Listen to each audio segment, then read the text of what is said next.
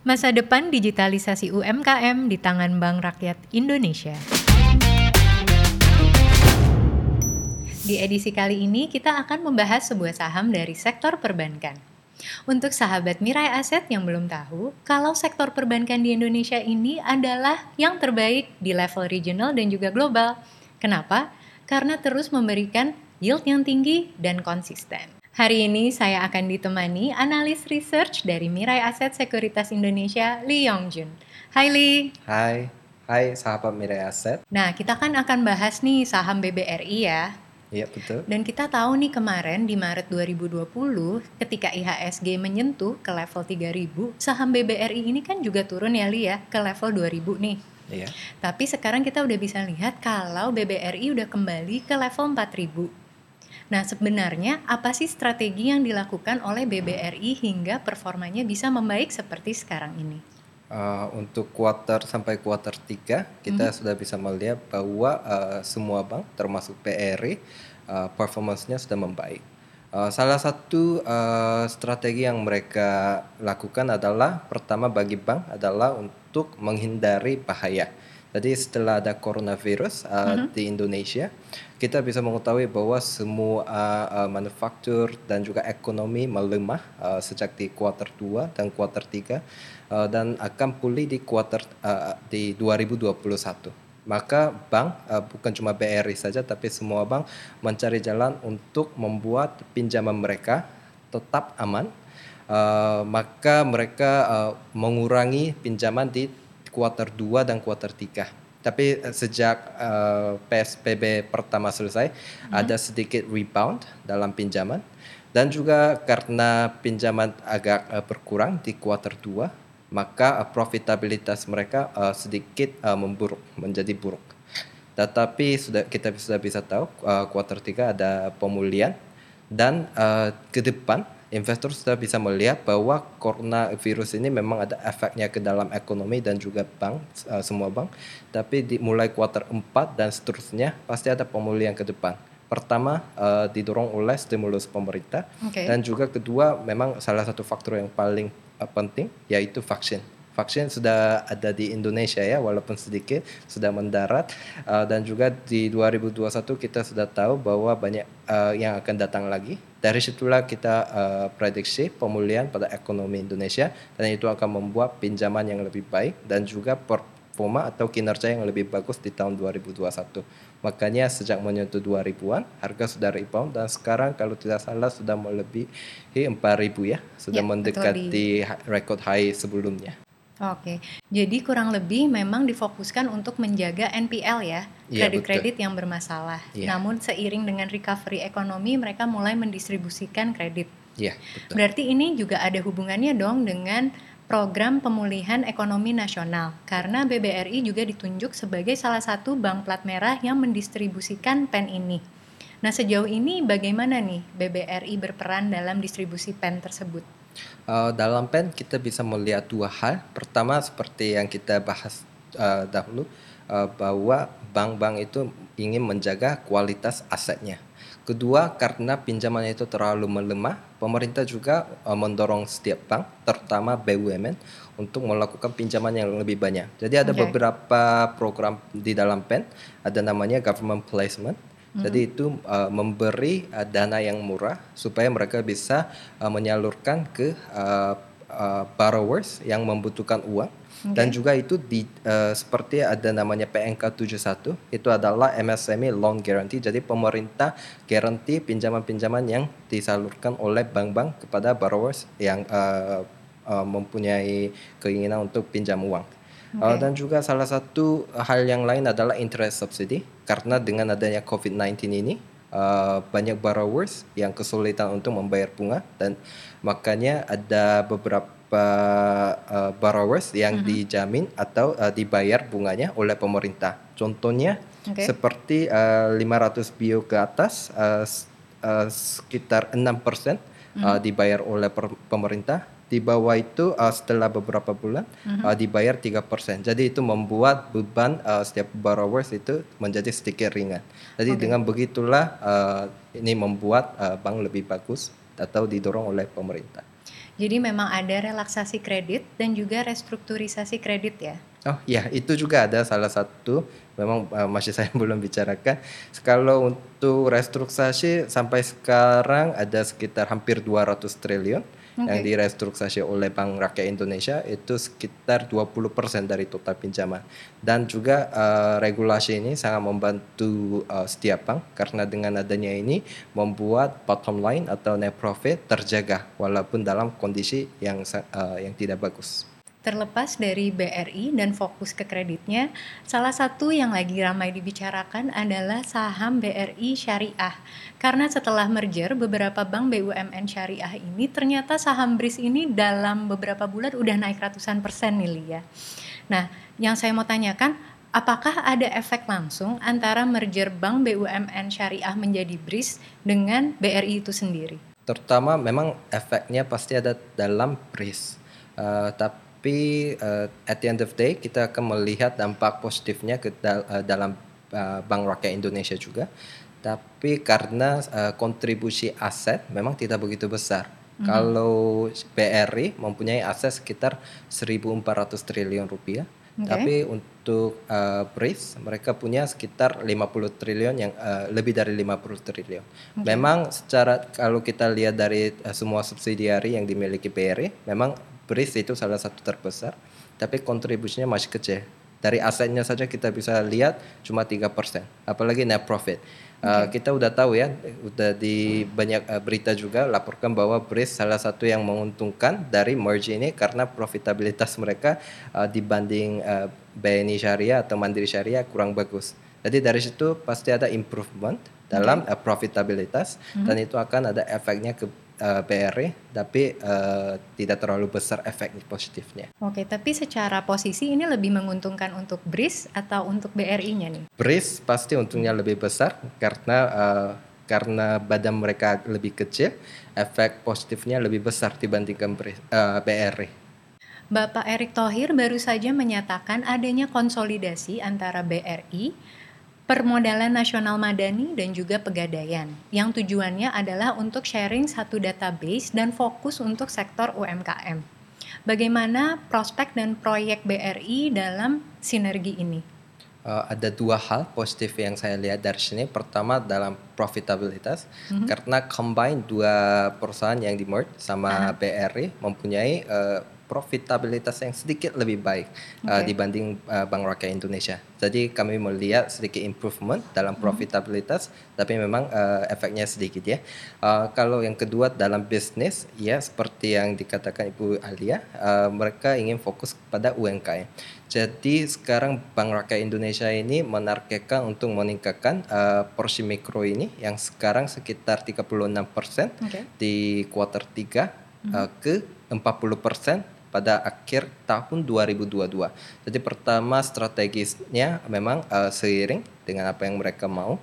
Jadi ini akan membantu uh, performa BRI secara total asset size atau pinjaman dan juga profitabilitas karena UMKM ini uh, pada akhirnya akan memberi uh, untung yang lebih besar atau yield yang lebih besar dibanding segmen yang lain. Dikabarkan BRI ini gencar melakukan digitalisasi.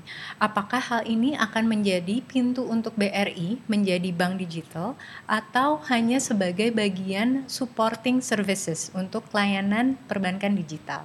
Uh, memang bank itu ada pada dasarnya untuk supporting business ya. Oke. Uh, tapi uh, memang kemudian di Indonesia juga inisiatif ini dari beberapa tahun la- lalu sudah mulai dan kita udah bisa melihat sedikit perubahan dalam sistem uh, banking Indonesia.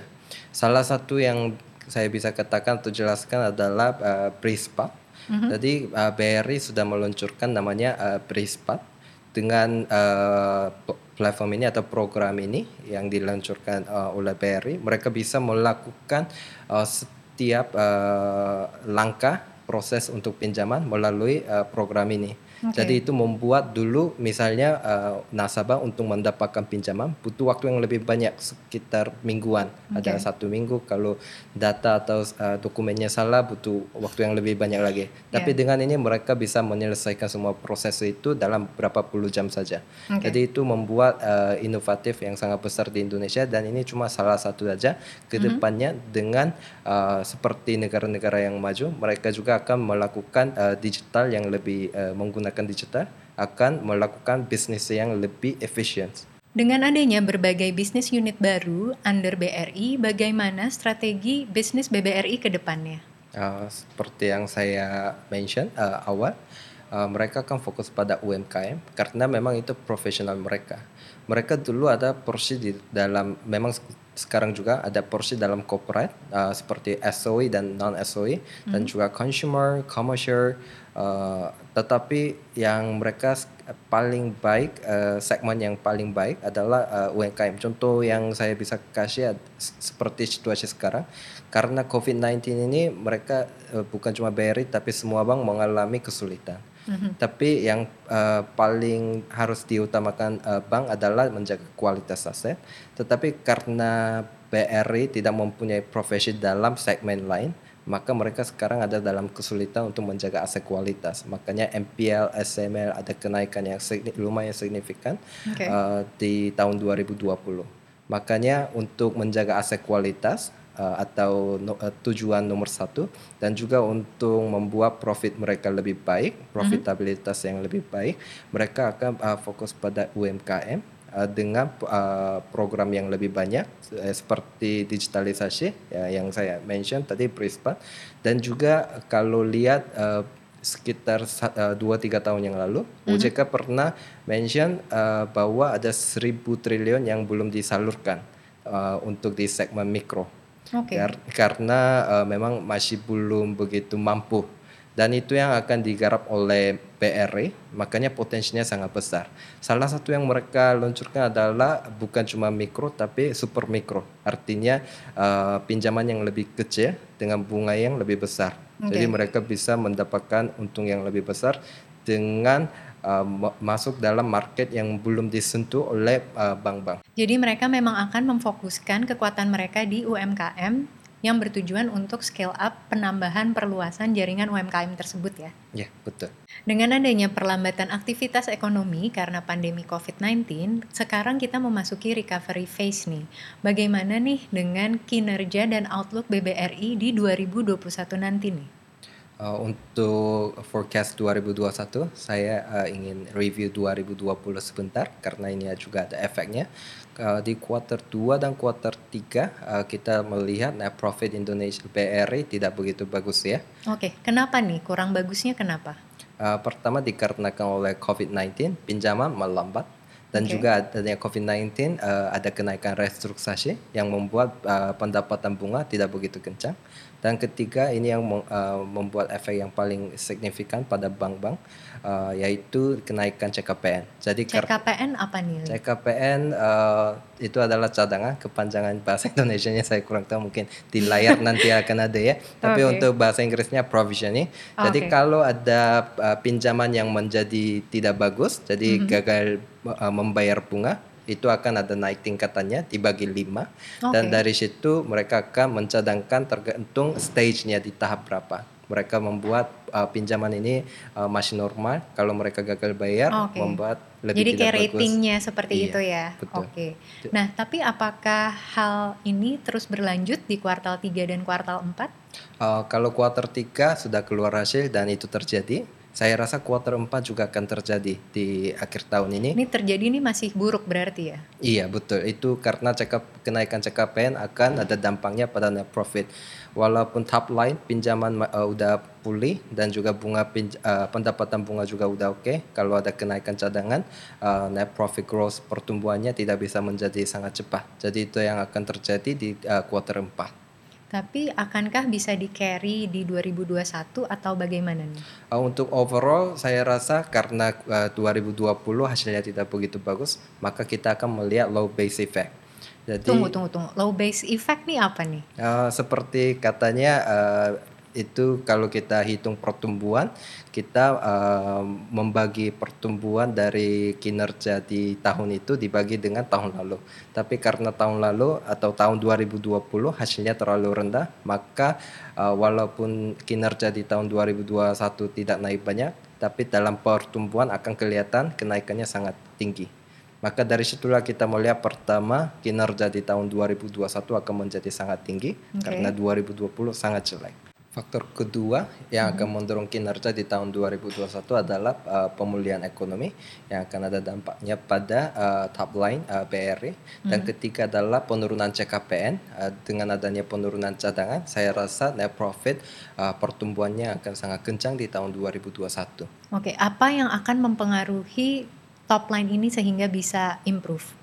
Uh, yang pertama, government stimulus akan tetap terjadi di tahun 2021 karena mm -hmm. sektor uh, UMKM ini sangat penting bagi pemerintah karena ada hubungannya dengan uh, pekerjaan uh, employment sangat uh, banyak ya di sektor UMKM uh, dan juga pemulihan ekonomi akan mendorong pinjaman pulih kembali demandnya di okay. quarter 2 dan second half di 2021 hmm. uh, dan juga karena uh, kita melihat pemulihan ekonomi maka kami perkirakan restrukturisasi loannya pinjamannya juga akan turun dari situ pendapatan bunga akan masuk kembali apa yang mereka tidak tidak uh, bisa dapatkan di tahun 2020 jadi dari situlah kami perkirakan top line di 2021 akan membaik. Sedangkan untuk cadangan atau yang disebut sebagai provision, kenapa justru malah turun di 2021? Uh, pertama ini kalau ini uh, berbalik dari low base ada high base efeknya karena di 2020 terlalu banyak cadangan yang sudah dicadangkan oleh bank dan juga BRI apalagi mereka cadangkan uh, amount yang sangat banyak di September dan Oktober. Uh, maksudnya sama dengan mereka sudah mencadangkan cadangan yang diperlukan dikarenakan oleh pinjaman-pinjaman yang menjadi tidak baik uh, yang tidak dapat uh, di efek dari uh, COVID-19 ini dan juga uh, karena OJK uh, recently di Oktober ya announce bahwa uh, POJK 11 itu akan extend sampai di tahun 2022. Jadi hmm. itu membuat uh, opsi yang lebih bagus pada bank. Jadi karena ada ekonomi pemulihan ekonomi, uh, mereka bank bisa pilih apakah pinjaman ini perlu direstrukturisasi lagi atau membawa ini sampai 2022 atau mengurangi karena ini menjadi uh, pulih kembali. Jadi dari situlah uh, mereka punya opsi yang lebih banyak dan juga kalau yang bagi pinjaman yang sudah jelek sudah dicadangkan di 2020 maka at the end of day mereka bisa uh, mengurangi cadangan di tahun 2021. Dengan banyaknya stimulus ekonomi dan juga bisnis unit baru yang dimiliki oleh BBRI, bagaimana valuasi saham ini ke depannya? Uh, target kami dan rekomendasi kami saat ini adalah uh, Rp5.580 dengan rekomendasi buy. Uh, untuk market consensus mungkin sekarang target price-nya ada di 4.650 ya. Uh, okay. Kami jauh di atas uh, konsensus ini. Apa yang membuat target price dari Mirai Asset ini lebih tinggi? Uh, ada beberapa faktor. Pertama uh, kita bisa bicarakan kinerja, kedua uh, flow dari uh, foreign investor. Kalau kinerja sudah kita bahas tentang outlook, jadi 2021 uh, kinerja akan lebih bagus dan memang di tahun 2022 akan lebih bagus lagi karena uh, di tahun 2022 sudah konsensusnya COVID-19 itu sudah tidak mempengaruhi ekonomi Indonesia seperti di tahun ini atau 2021 ya. Jadi kinerja yang bagus uh, di tahun 2021 dan 2022 mungkin Bu Alia bisa ingat waktu kita bahas telekomunikasi Indonesia ya. bahwa harga saham itu merefleksi sekitar dua tahun ke depan. Oke, jadi forward looking ya tetap iya. dengan potensi up sekitar 30% dari current price ya. Iya. Makanya dengan kinerja yang lebih bagus di tahun 2021 dan 2022 yang akan uh, akhirnya melampaui kinerja sebelumnya itu akan menjadi pendorong utama. Dan untuk kedua mungkin kita bahas di Excel ya karena kita bahas di Excel mungkin bagi yang belum lihat mungkin bisa lihat di Excel bahwa market sampai sekarang didorong oleh likuiditas. Okay. Tapi sekarang ada dalam transisi uh, uh, period dari likuiditas ke growth driven market. Dan waktu pada saat itu saya uh, mention bahwa kalau jika itu transisinya berhasil, maka uh, uang yang ada di dalam growth stock, untagged atau defensive stock akan mengalir kepada value stock. dan uh, memang infra atau telco juga salah satu, tapi uh, bank, Bank. juga salah satu value stock yang menjadi representasi eh, Indonesia. Jadi itu yang akan mendorong uh, atau membuat uh, flow dari uh, investor asing masuk ke dalam banking dan salah satu yang akan mendapat uh, keuntungan adalah Bank Rakyat Indonesia. Jadi kurang lebih memang di 2021 nanti value stock akan menyerap banyak capital flow ya. Iya betul. Oke baik, terima kasih Li atas waktu dan informasinya. Sama-sama. Semoga analisa saham BBRI tadi dapat meyakinkan sahabat Mirai Aset untuk mengambil posisi apakah akan take BBRI ini menjadi salah satu portofolio kalian. Sampai jumpa di edisi Superstock selanjutnya. Happy cuan! Happy cuan.